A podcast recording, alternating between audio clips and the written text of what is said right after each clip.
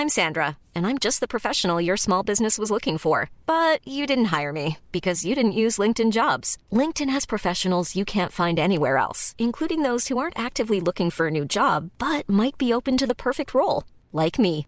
In a given month, over 70% of LinkedIn users don't visit other leading job sites. So if you're not looking on LinkedIn, you'll miss out on great candidates like Sandra. Start hiring professionals like a professional. Post your free job on linkedin.com/people today. Everyone knows therapy is great for solving problems, but getting therapy has its own problems too, like finding the right therapist, fitting into their schedule, and of course, the cost. Well, BetterHelp can solve those problems. It's totally online and built around your schedule. It's surprisingly affordable too. Connect with a credentialed therapist by phone, video, or online chat, all from the comfort of your home. Visit betterhelp.com to learn more and save 10% on your first month. That's BetterHelp, H E L P. Even when we're on a budget, we still deserve nice things.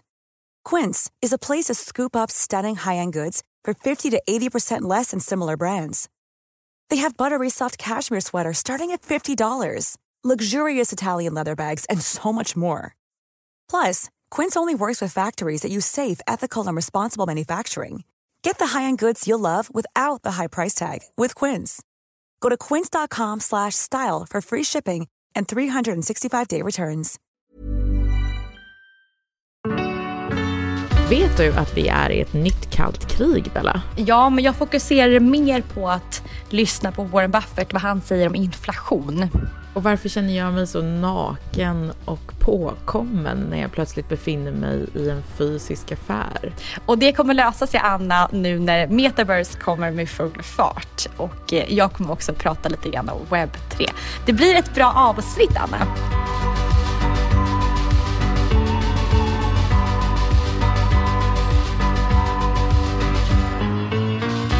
Jag är i Thailand Anna.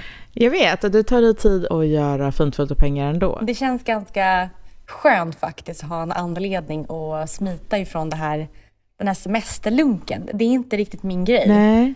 Jag tycker ändå att du är på semester eh, ganska ofta för att, för att det inte ska vara din grej. Men jag måste fråga, visst är det väldigt mycket av just fint, fult och pengar i eh, Thailand? Ja, det är inte så mycket fint, utan Är det är det väl mer att det är mycket fokus på... Jag vet inte. Det, det, det beror på hur man ska se det. Om det är människorna som är här. Alla som jag stöter på är ju turister med väldigt mycket pengar. Ja. och gärna pratar om det. Jag har diskuterat i morse med en kanadensare som berättade att han inte behöver jobba längre för att han tjänat så mycket pengar. Roligt att höra, så du. Nej, men, men jag, jag har haft det lite långtråkigt sådär, så, att, så att jag satt och, och gjorde en, en rolig grej i morse. Mm. Vi, eh, vi hade ätit frukost och sen så tänkte jag att nej, men vi måste göra någonting för att vi är uttråkade. Och sen loggade jag in på den här eh, GPT-chat, den här robotchatten då, med AI som kom för, om det var i oktober. Och då tänkte jag så här att man borde kunna fastställa så här riktigt horoskop. Ja, det borde man ju kunna. Ja, för, eller först tänkte jag så här, horoskop, att då ska man ju fria i, eller då ska man ju sia i, i liksom framtiden. Men så inser jag ju att ett riktigt horoskop fastställer man ju så här, alltså, alltså på sekunden när man föds. Och då kan man se hur liksom månen och stjärnorna och, och sånt står. Jag, jag kan inte riktigt. Precis. Eh, och sen inser jag att om det, här, om det här funkar, då försvinner ju alla... Alltså då har ju AI inte bara tagit, tagit liksom lagerjobben, utan också spådamsjobben. Just det, precis. Eh, För den, den, man behöver inte vara så mycket liksom, eh, vis eller, eller häxa eller ha kontakt med någon annan dimension, utan man behöver verkligen bara kunna liksom ställa in födelseort och, eh, och några klockslag, eller hur? Ja, så att vi satt och gjorde det och det var väldigt specifikt. Så att vi alla satt och fick råd i morse hur vi ska leva i, i framtiden. Så det var lite kul, så det kan man gå in och, och göra på den här chatten. Vad fick du för råd? Att jag ska jobba mer på mina relationer. Eh, och att eh, jag har alltid en strävan efter att vara väldigt självständig Mm. och kreativ, men att jag också måste fokusera på relationer. Och det har jag faktiskt gjort. Så, eh, så jag, jag kan klappa mig på axeln och ligga, ligga före min, mitt horoskop. Men säger den någonting om vad som kommer hända dig, eller? Nej, den förstår Den har inte lärt sig analysera, hämta data från allting som inte står liksom, i text. Jag får ju ofta frågor från mina följare, allt från på bloggen och på Instagram. Och då är det ju mycket så här, snack om pengar. Jag vet inte, får du den typen av frågor? Nej. Nej. Alltså jag önskar, för att nej men jag, jag, pengar, pengar, jag tänker också jättemycket på pengar, men det är um, liksom som, eh, som min smutsiga lilla hobby. Ehm, förstår du? Det är ingenting som, det är ingenting som jag eller någon annan låtsas om. Men jag är idel öra om man säger så. Så när folk frågar dig saker, då är det så olika typer av oljor som man kan smörja in golv och träd Ja, med? precis. Mycket sånt. Precis. Vad, vad, hur kan jag lasera den här? Eller eh, syr du fortfarande kläder? Vilka är dina bästa tygaffärer? Eh, den bästa ligger utanför ehm, eh, Mölndal, kan jag meddela. Och heter italienska modetyger. Men eh, skit i det. Men det är ändå frågor som du ändå kan alltså, svara på för det är självupplevt. När jag får ekonomiska frågor så kan jag också bara svara utifrån vad jag tycker och tänker och har varit med om i och med att jag inte är ekonom. Men, men det förväntas som att jag ska svara som något proffs och det är ju lite stressande.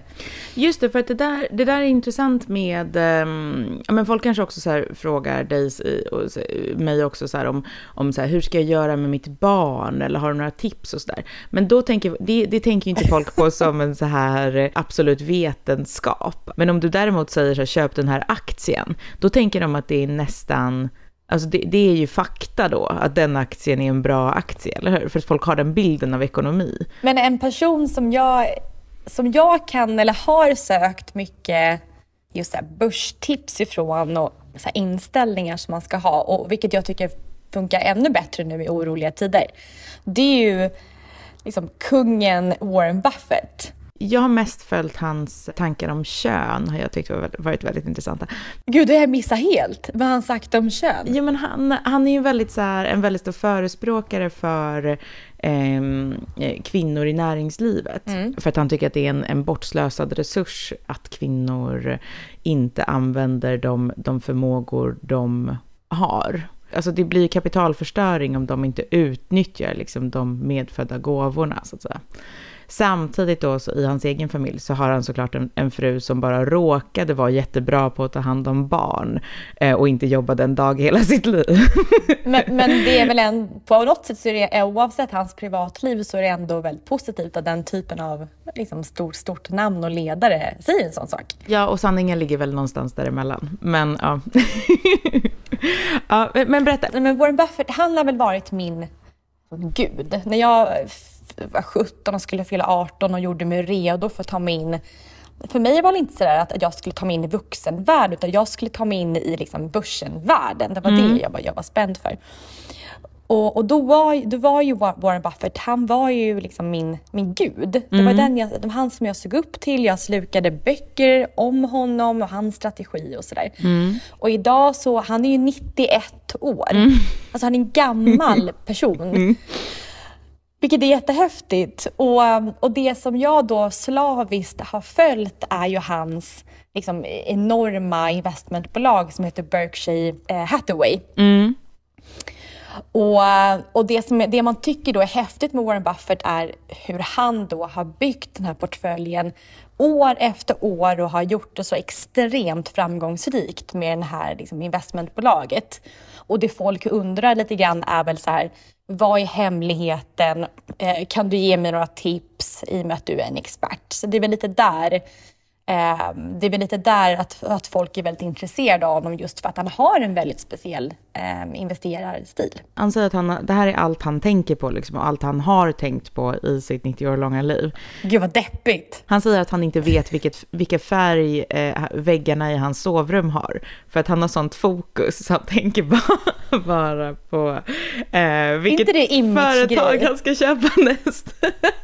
jo, säkert. Men, men samtidigt när man ser honom så tänker man att så här, ja, men det, det, han, han, han har aldrig tittat på tallriken och liksom kollat vad det är han äter till lunch eller eh, eh alltså han känns som en människa helt utan, utan hobbys. Han är någon slags där, han, han är nära en AI. Jag funderar på om han, om han alltid har varit så eller om man tänker så här att det var coolt skulle vara att bygga upp ett varumärke där jag förmedlar att jag inte vet vilken färg det är på väggarna. Precis som att Ingvar Kamprad alltid pratar om att han kom med sin gamla bil ja, till exempel ja, och körde. Exakt, och, pru- eller, och se till att få rabatt på, på kaffet varje gång han besöker ett IKEA-varuhus för att han vet att personalen älskar det så mycket. Att man får kaffe för fem kronor istället för sju kronor om man köper det. Ja, du vet.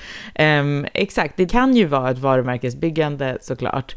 Men samtidigt, just Warren Buffett när man ser honom, jag tycker han känns som en så här kanske en påminner om någons så här kantiga mattelärare. Han har också berättat att han gått en att han gick en charmkurs när han var ung för att han var så himla kantig. Men gud vad kul! Men, men när jag fyllde, jag kommer ihåg det, när jag, när jag var tonåring då hade jag som en sån här dröm att någon gång så ska jag köpa en Berkshire Hathaway-aktie. Ja. Och eh, då i den åldern så kostade den, en, en aktie kostade en miljon svenska kronor. Oj! Och det var liksom en stor, var, de är så, liksom, de aktierna de är så högt värderade. Ja. Så, och sen så tänkte jag, men jag ska göra det här någon gång. Och sen gick jag in nu för att jag var lite nyfiken. Jag, hade, jag har inte tittat på den på flera år. Och då är en aktie är värd eh, alltså 5 miljoner svenska kronor. Så tänk om jag hade gjort, köpt den här, vilken bra affär man hade gjort då. Nej men så nu känner jag det här att målet att köpa en aktie nu känns inte sådär jätterimligt kanske. Och jag, och jag, jag funderat varför jag inte tycker det och, och då är det att han går ju bort snart. Och det var lite det kanske som vi pratade om så med Sten, Stenbecks-familjen, att vad händer med sådana här jätte eh, jättebolag och familjen är själva liksom huvudpersonen inte är med längre. Man har någon slags känsla av att, att, att vi är i slutet på en era. Ja, men precis. Och sen när jag tittar på, um, på innehavet då i Berkshire Hathaway, som är då Warren Buffett, liksom, ja, men största bolag, jag tror att han äger runt 16-17 procent i bolaget. Mm. Och, och då är det det är fem stora bolag egentligen som har tagit upp om det är 70-80 procent av hela investmentbolaget. Mm. Och när jag tittar på de aktierna så vet jag inte riktigt heller om om det också kanske är slutet på en era. Vad är det då? Berätta. Ja, det största innehavet är Apple. Mm. Och sen så utan ordning då så är det sen American Express, det är Bank of America, det är Coca-Cola och sen ett, ett, ett energibolag som heter Chevron som jag inte kände till innan. Mm. Och, och det är också sådär att, fast, fast, eller så är det här att de här bolagen kommer stå sig i hundra år till. Det är svårt att säga. Mm. Men, men, det är bara de här fem bolagen som han har liksom byggt upp sin, sin förmögenhet. Det låter ganska basic. Ja, och det är det som är Warren Buffett, hela hans liksom bolags eller börsstrategi är basic och det var också mm. därför jag föll för den. Mm. Och um, så till bara så här, om man ska rabbla, sitter man och lyssnar och tänker så vad är strategin för någonting från den här liksom, häftiga personen? Då är det att hans inställning till börsen är att alltid att man köper aktier för att behålla dem mm. och man köper aldrig aktier för att tänka att någon gång så ska man sälja dem, att man har en säljstrategi. Mm. För att han har bara under åren haft ganska få bolag för att vara liksom ett portföljbolag. Mm. Eh, och sen köper han på sig hela tiden till det som han kan. Mm. Och um, hmm. sen en... Um, han, han har massa bra tips, men ett av de bästa tipsen tycker jag, eh, som man kan ta med sig, som jag inte visste att han hade sagt innan. Och, och då är det så här att han säger att tvinga dig själv att skriva ner varför man köper en aktie. Mm. För gör man det så hindrar den sig själv att fatta dåliga beslut. Och, och, den tycker jag är så bra. Det här gäller ju i livet överlag skulle jag säga. Ja! Eller hur? Alltså att eh, det är därför det funkar att skriva dagbok. Det är därför man blir klok av, av eller vad ska man säga? Man, man blir mer medveten om sina beslut. Jag tror att, precis som du säger, det här är nyckeln till allt. Ja. att skriva, ja. precis som du säger. För då blir det inte de här spontana liksom, knasigheterna. För, för det också när man tittar på aktieköp när man pratar med människor, då är det ibland så här, Dagens Industri har skrivit om det eller någon så här, pojkväns granne har tipsat mm. om en aktie. Mm. Eh, och, och sånt är ju liksom livsfarligt. Mm. Så, så jag gillar just att han sa så här, så fort du ska göra ett köp så skriv ner varför du gör det här köpet. Och att du också förstår vad det vad det, är det handlar. Mm. Warren Buffett, han har ju verkligen så här, tegelstensmiljardär. Han har verkligen du, så här, jobbat långsamt fram hela tiden. Mm. Och, och den tror jag att vår generation har väldigt svårt att tänka att man, att man gör aktieköp idag som man ska kunna behålla tills man är liksom gammal. Ja, precis. Utan hela tanken att ge sig in i det där är väl, är väl att just kunna göra sin snabb hacka och sen kunna göra något kul. Det är väl det man tänker. Eh, att eh, inte bara för sakens skull pumpa in allt man tjänar bara för att ha det där i Coca-Cola. Nej. Nej. Nej. Men det jag var väldigt så här, intresserad över var just så här, hur Warren Buffett, vad han har för råd kring inflation och den situation som vi är idag i världen. Spännande. Ja. Han, jag hittade två svar. Den ena var väldigt så här, luddig, ungefär som att han var lite så här, gaggig och inte vet vad han ska svara, för, bara för att säga något. Ja. Och sen den andra tycker jag ändå var, ja, men, ja, men var lite sådär, ja, men mer, eh, mer konkret. Men, men, men det luddiga svaret var att så här, han säger att är det inflation, du ska göra en sak, då ska du vet du, fokusera på att vara väldigt bra på någonting. Okej, ja, det låter ju också som ett generellt bra tips i livet. Skriv ner aktien, var bra på någonting. Så här besvikelse. Och då säger han att den bästa investeringen du kan göra i livet är att utvecklas själv. Eh, För han menar att om du är duktig till exempel som på, att du- är läkare eller advokat eller någonting så, så är de, den kunskapen är, eh, är inflationssäkrad. Det kommer alltid efterfrågas oavsett vad dollarn är värd. Men inte det ett jättetråkigt svar? Det, det, men det, det är också, man blir lite ledsen för att man tänker så här att eh, jaha, det vi ville ha var ju en genväg här. Alltså, eh, stoppa dina pengar här så kommer allting inte gå åt helvete. Men, men det han säger är bara så här, du kanske måste jobba piss mycket mer för samma liksom, resultat. Men, men sen började jag gräva i, jag tänkte jag ger mig inte där. Och, och då hittade jag efter, efter ganska mycket research så säger han så här. Att hitta bolag, alltså investera i bolag som har en förmåga att höja priserna eh, oavsett om liksom efterfrågan är, är oförändrad eller liksom konjunkturen är oförändrad. Och då har vi till exempel Apple. Även om inflationen blir ännu sämre så kommer vi fortsätta köpa nya Apple-produkter. Så där har han ju verkligen, ja, han har investerat i det han säger själv. Men om man ska summera Warren Buffett då, den här 91-åriga eh, mogulen, så är det då att så här, köp aktier för att behålla dem, håll dig till, till vad du vet. Är det, är det folk eller bolag som skyltar med så här, framtida inkomster och mycket tillväxt de kommer ha, så är det verkligen så här, det är ett no-no. Och, och sen tänk på just att så här, men skriv ner, varför köper du någonting? Eh, Det är någonting som jag verkligen tar med mig av. Nu har vi Warren Buffett, eh, datorn kan vara vår psykolog och eh, eh, ChatGPT kan göra våra horoskop, så behöver vi inte någonsin köpa en tjänst av en, en klok kvinna igen.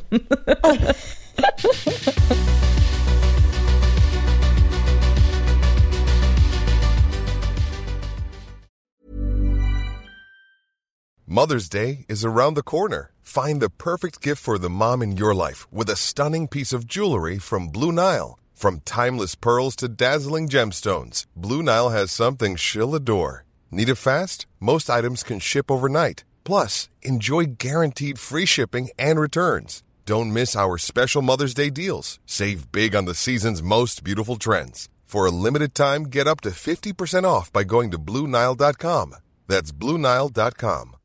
Hey Dave, Yeah, Randy. since we founded Bombus, we've always said our socks, underwear, and t shirts are super soft. Any new ideas? Maybe sublimely soft. Or disgustingly cozy? Wait, what? I got it. Bombus. Absurdly comfortable essentials for yourself And for those facing homelessness. because one purchased equals one donated. Wow, did we just write an ad? Yes. Bombas. Big comfort for everyone. Go to bombas.com slash ACAST and use code ACAST for 20% off your first purchase. Everyone knows therapy is great for solving problems, but getting therapy has its own problems too, like finding the right therapist, fitting into their schedule, and of course, the cost. Well, BetterHelp can solve those problems. It's totally online and built around your schedule. It's surprisingly affordable too. Connect with a credentialed therapist by phone, video, or online chat, all from the comfort of your home. Visit betterhelp.com to learn more and save 10% on your first month. That's BetterHelp H E L P.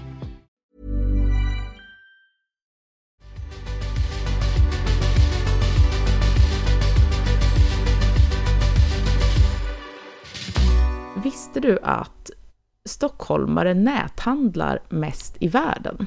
Det har jag ingen aning om. En lista sa att USA var över oss, men Sverige är absolut topp tre i världen. Och Stockholms kommun är mest i Sverige då dessutom. Ja, är ens, jag känner typ ingen, ingen som inte handlar allting på nätet. Alltså, man går ju i butik för att, för, att, för att det är lite så här som en attraktion. Det är lite så här, åh vad kul, nu längtar jag efter att ta ett varv på NK. Exakt, det är som en konstig park man går till för att ta en promenad. Titta på en fridlysblomma och sen går man hem igen. En innerstadspark, exakt. Den borde, få, den borde liksom krattas av kommunen. För det, det finns absolut ingen ekonomi där. Men eh, jag bor i ett hus nu, Bella. Jag vet. Grattis! Uh, tack, det, det är väldigt mm, märkligt. Och då när jag har hållit på med det här, då har jag märkt att man, uh, att man behöver köpa en massa saker hela tiden. Mm. Min stil som jag brukar kalla tråkig men inte gratis. men för att hitta de här sakerna så, så har jag behövt åka runt till fysiska affärer. Bland annat då Kungens Kurva till exempel. Alltså det, var, det var en sån märklig upplevelse att vara på de här parkeringsplatserna i de här enorma områdena som liksom täcker halva Sverige, som, som finns utanför alla, alla städer. Känslan var att det här är inte min kultur. Nej, det är det inte. Att, det inte okej, det här kultur. är mitt land. det är Nej, inte det är inte det. Men, men det hade varit liksom mer hemma att vara på någon sån ormmarknad liksom i Mumbai än på de här konstiga, konstiga varuhusen. Alltså de, det de skyltade med för att frestas kände jag att jag skulle typ betala för att slippa. Förstår du? Ja, ja, jag förstår. Först undrade jag så här, är det att jag är liksom en, en snobb? Att jag går runt och känner mig för fin för saker? Alltså det, det, det, för det gjorde jag också. Och tänkte att ja, men det kanske är. Men det kändes också som att jag kanske kom från en eh, sekt.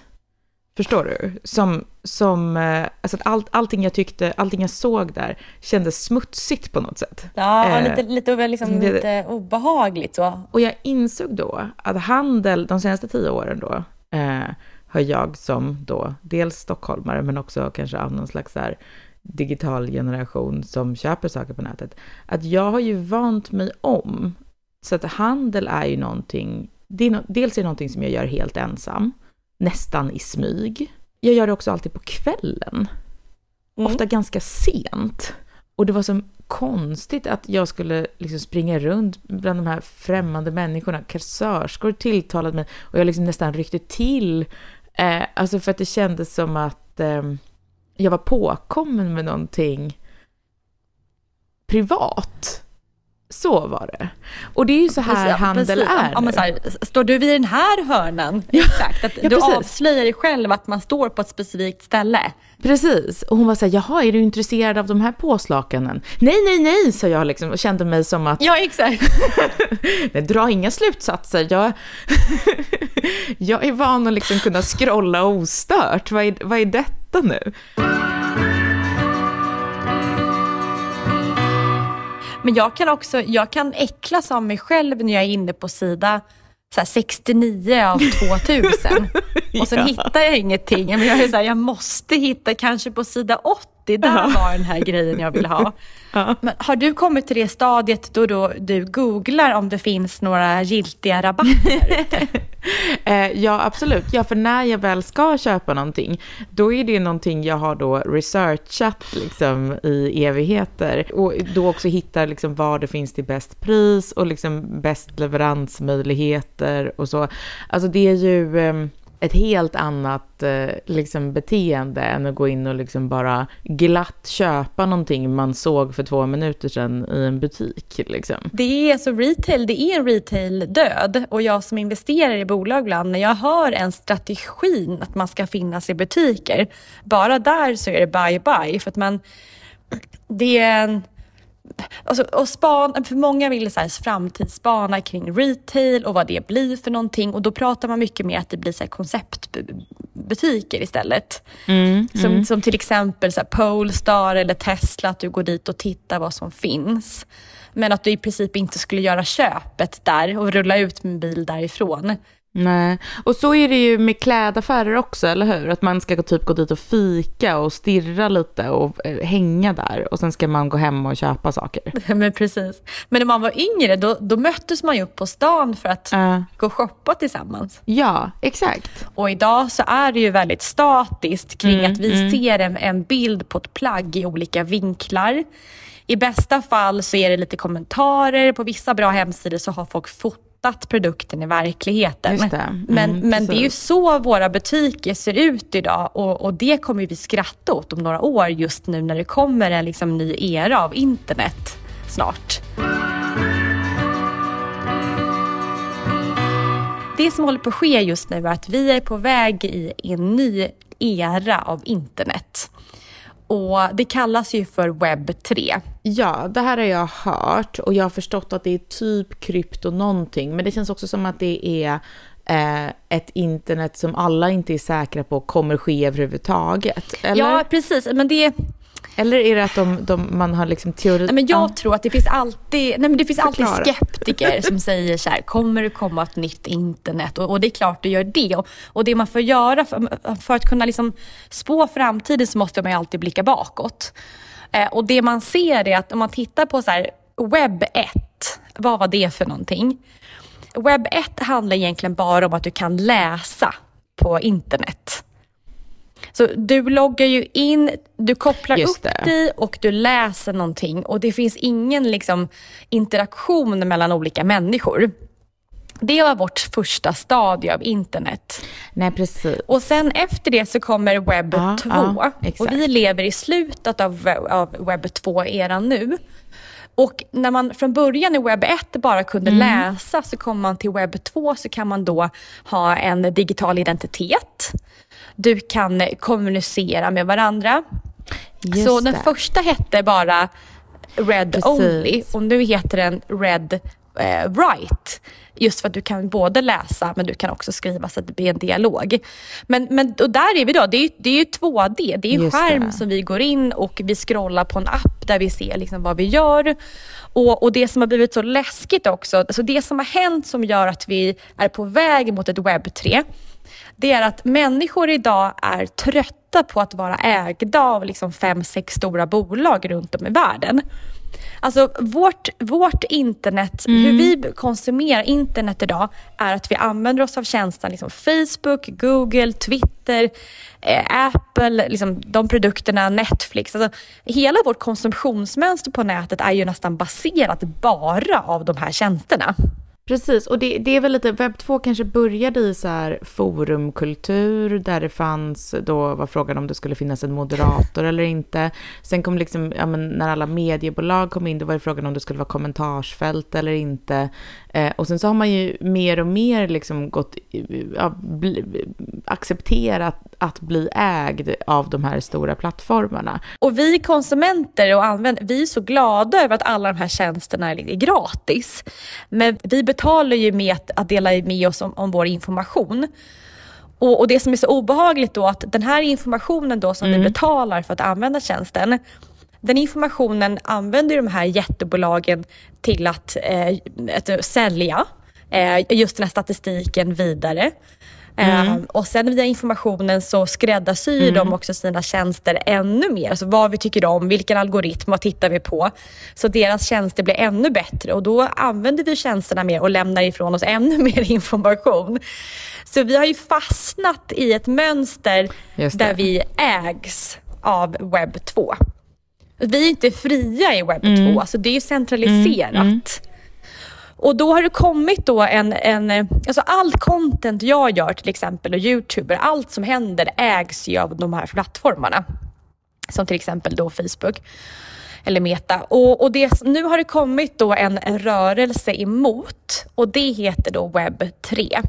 Och det är liksom ingen sån här det är inte som ett så dark web, att jag trycker på en knapp och så kommer liksom, nu kommer ett nytt internet, logga in här.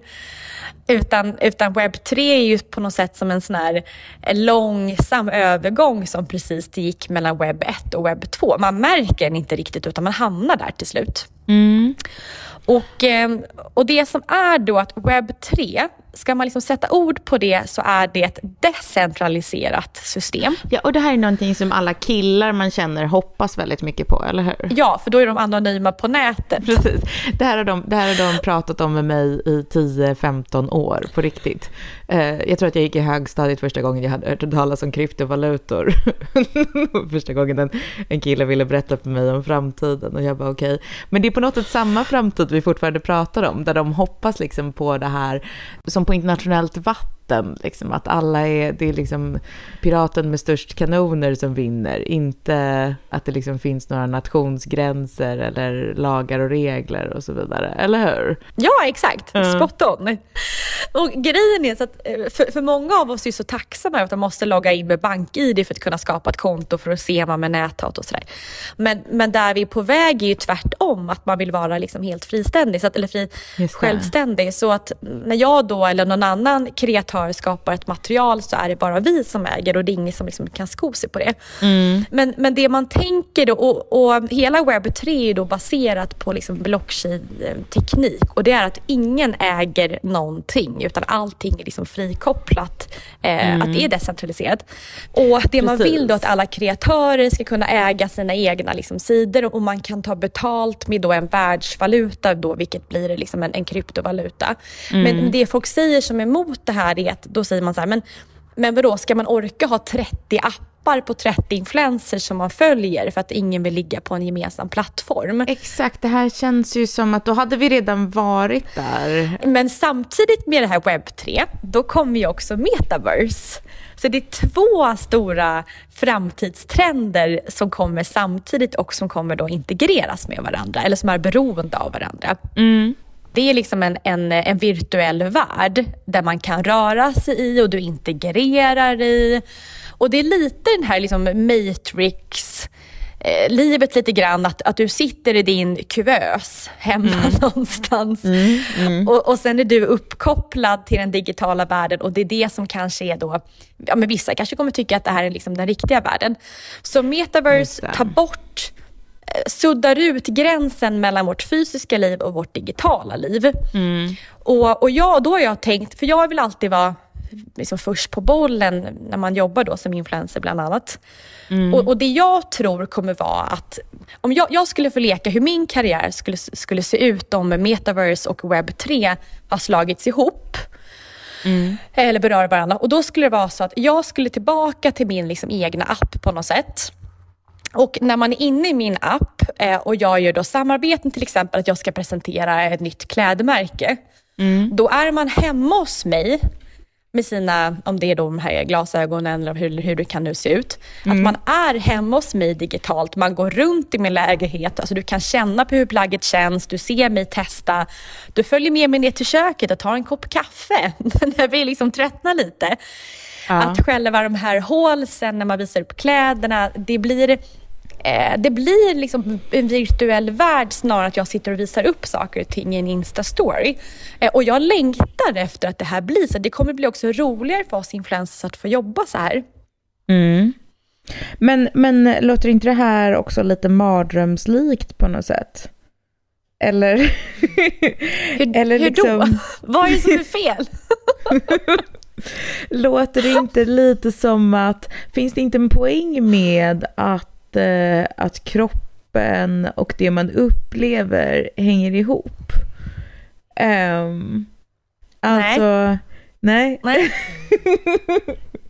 Ja, men för det, det, det, det, det var ju det, alltså det som jag kände just kring eh, att vara i en fysisk butik då, det obehaget. Det var ju också lite som att jag, alltså som jag tänker mig att någon som är så här porrskadad, eh, som sen ska ta i en fysisk människa för första gången, att det blir en lite så här obehaglig, äcklande känsla för att man är så ovan att liksom kroppen och huvudet är på samma plats, så att säga. Um, det... och du känner av att den här riktiga människan, den är lite så här klibbig av svett ja, den, och precis, den är mycket smutsigare. Precis, den är mycket smutsigare än, Exakt, än den som är liksom eh, konstruerad i mitt huvud liksom genom min telefon. Det är en helt annan grej. Um, och det där, vad ska man säga, jag tror att det är, alltså det är egentligen, det kallas väl att um, dissociera från sin egen kropp. Det tror jag är mm. inte så bra för människor. Eller? Jag, tror, tror inte det? um, nej, jag tror nog inte riktigt det.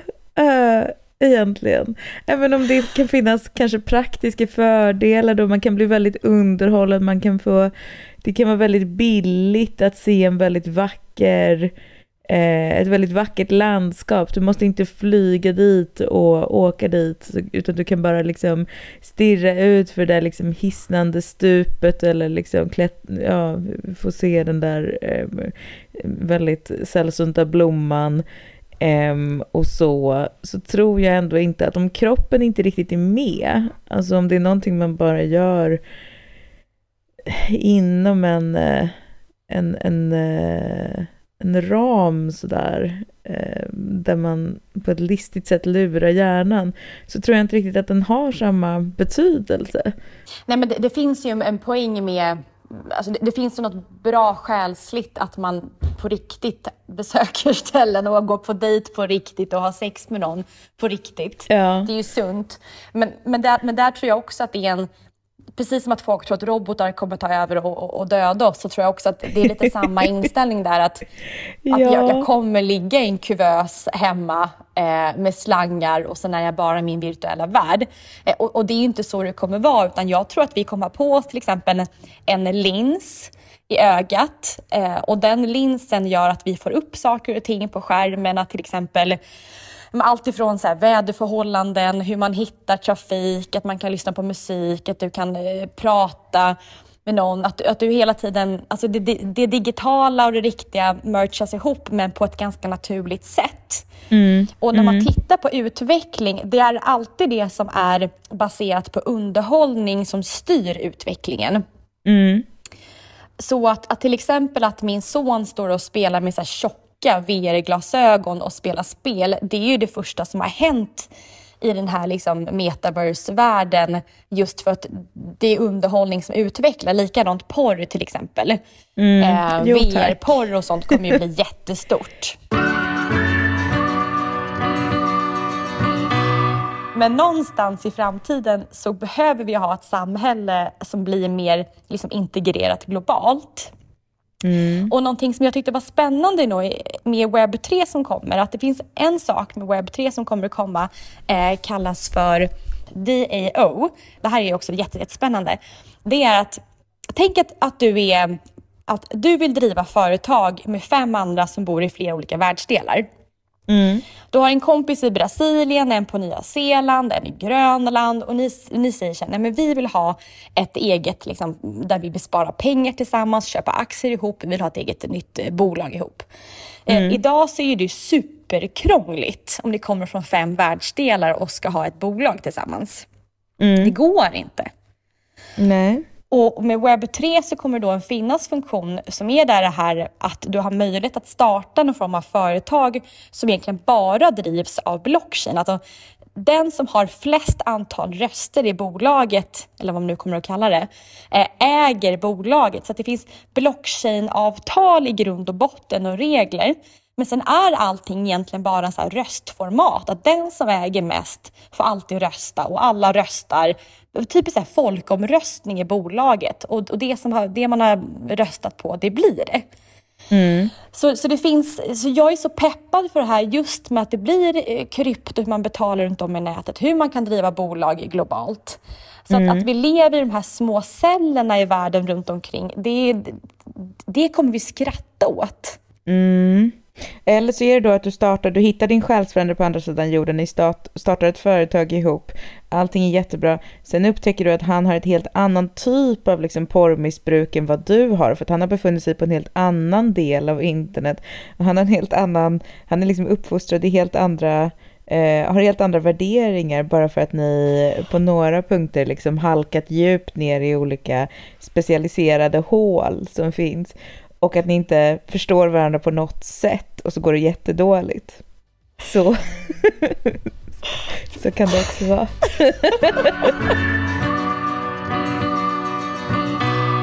Vet du att vi är i ett eh, nytt kallt krig? Jan Eliasson sa det, diplomaten. Ja, jag tycker det är svårt att ta in. Ja, jag tyckte det var ett intressant ordval också. För att okej, okay, det han menar är ju så att världen blir mer och mer delad i två. Det är liksom den ryska sidan med liksom tillbehör och mm. sen väst med Japan och så.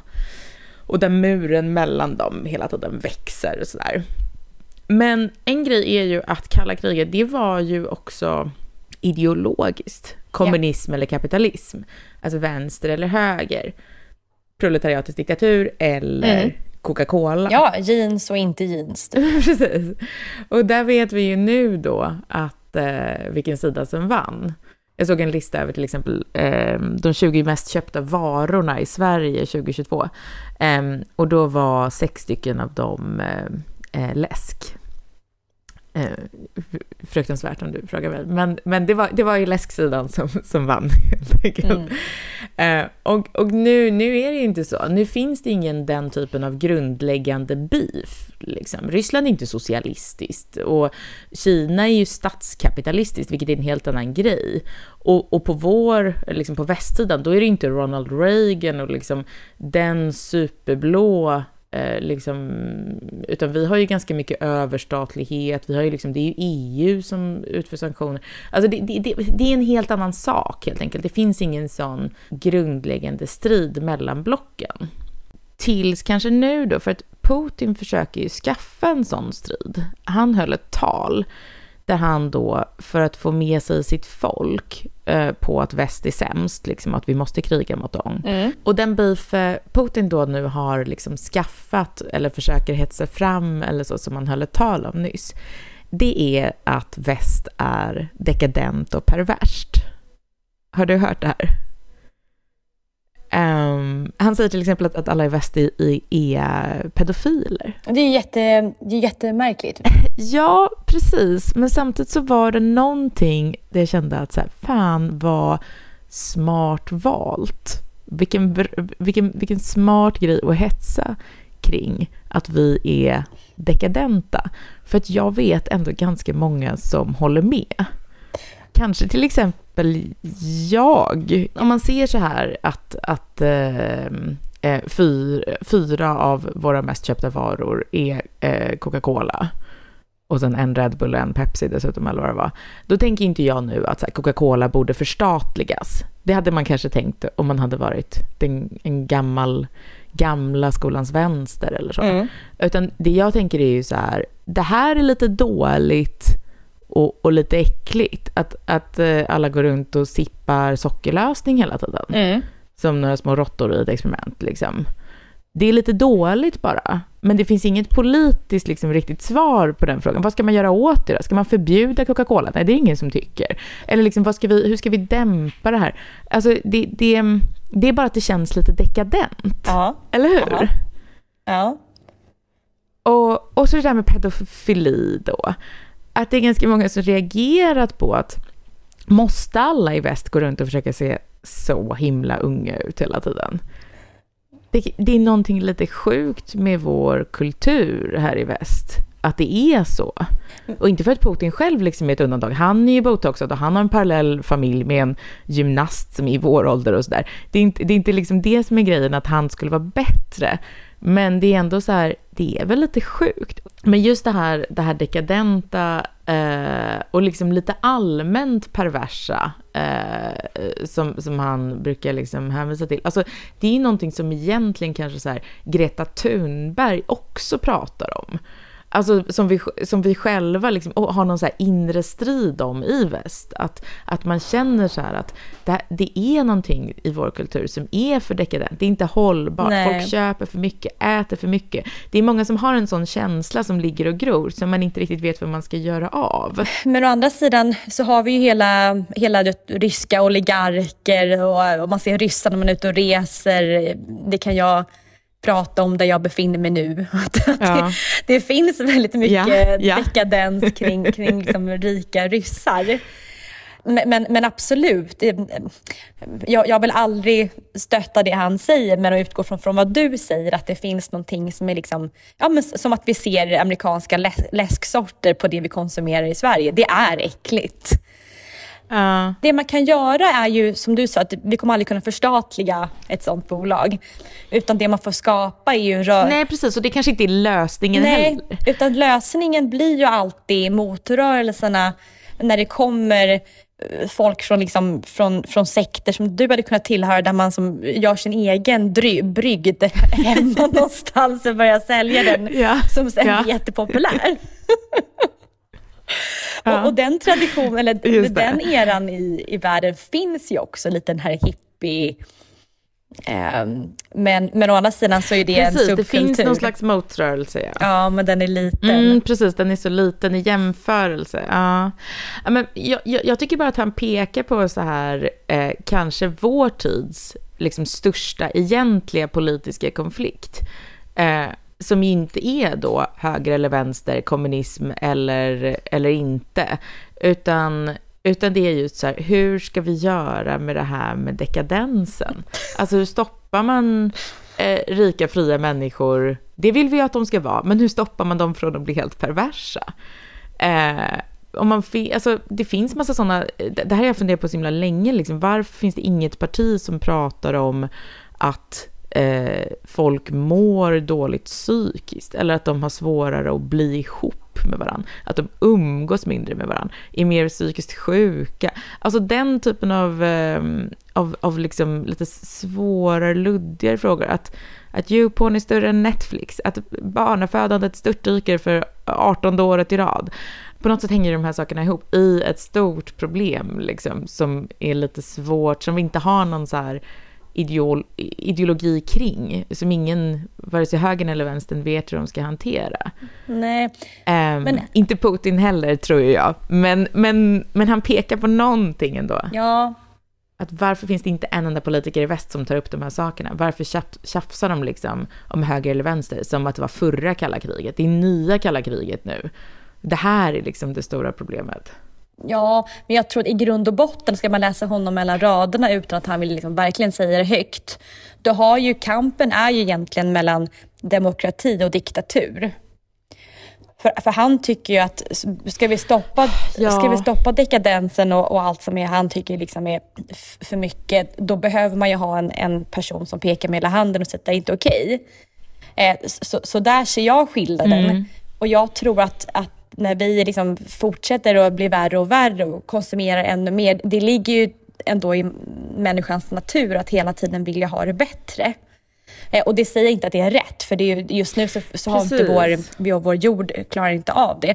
Jag, jag tror att det är svårt att eh, och, stoppa en, liksom en, en mänsklig drift, att hela tiden vilja ha det ja, men bättre och storslaget, tjäna mer pengar. Och, eh, men däremot tror jag Exakt. Att, att vi föder färre barn, det tror jag har en oro med just med krig, med naturkatastrofer, att vill man ha barn i den här miljön. Eh, så, så de, går ju, mm. de går ju parallellt den här att man vill ha det ännu bättre men samtidigt vill man inte utsätta barnen för konsekvenserna av det. Men det var tio år, det var högkonjunktur och ingen pratade om krig eller någonting och folk skaffade färre och färre barn varje år då också. Det är någonting så här, en, en, en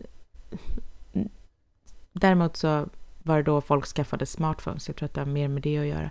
Men vi är tillbaka i metaverse-diskussionen.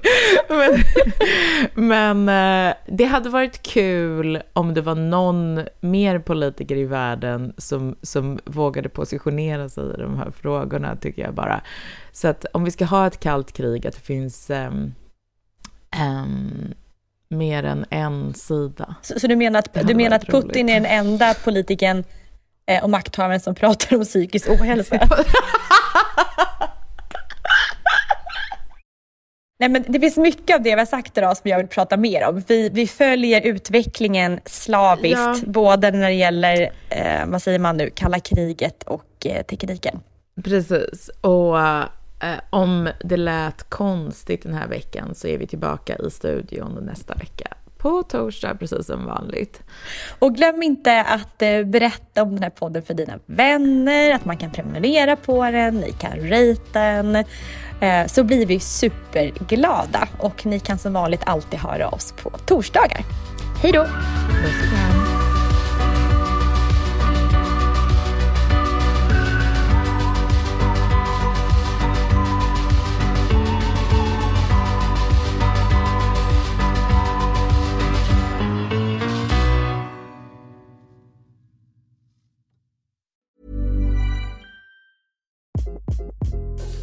this is Craig Robinson from Ways to Win, and support for this podcast comes from Invesco QQQ, the official ETF of the NCAA. Invesco QQQ is proud to sponsor this episode and even prouder to provide access to innovation for the last 25 years. Basketball has had innovations over the years too. We're seeing the game played in new ways every day. Learn more at Invesco.com slash QQQ. Let's rethink possibility. Investco Distributors, Inc.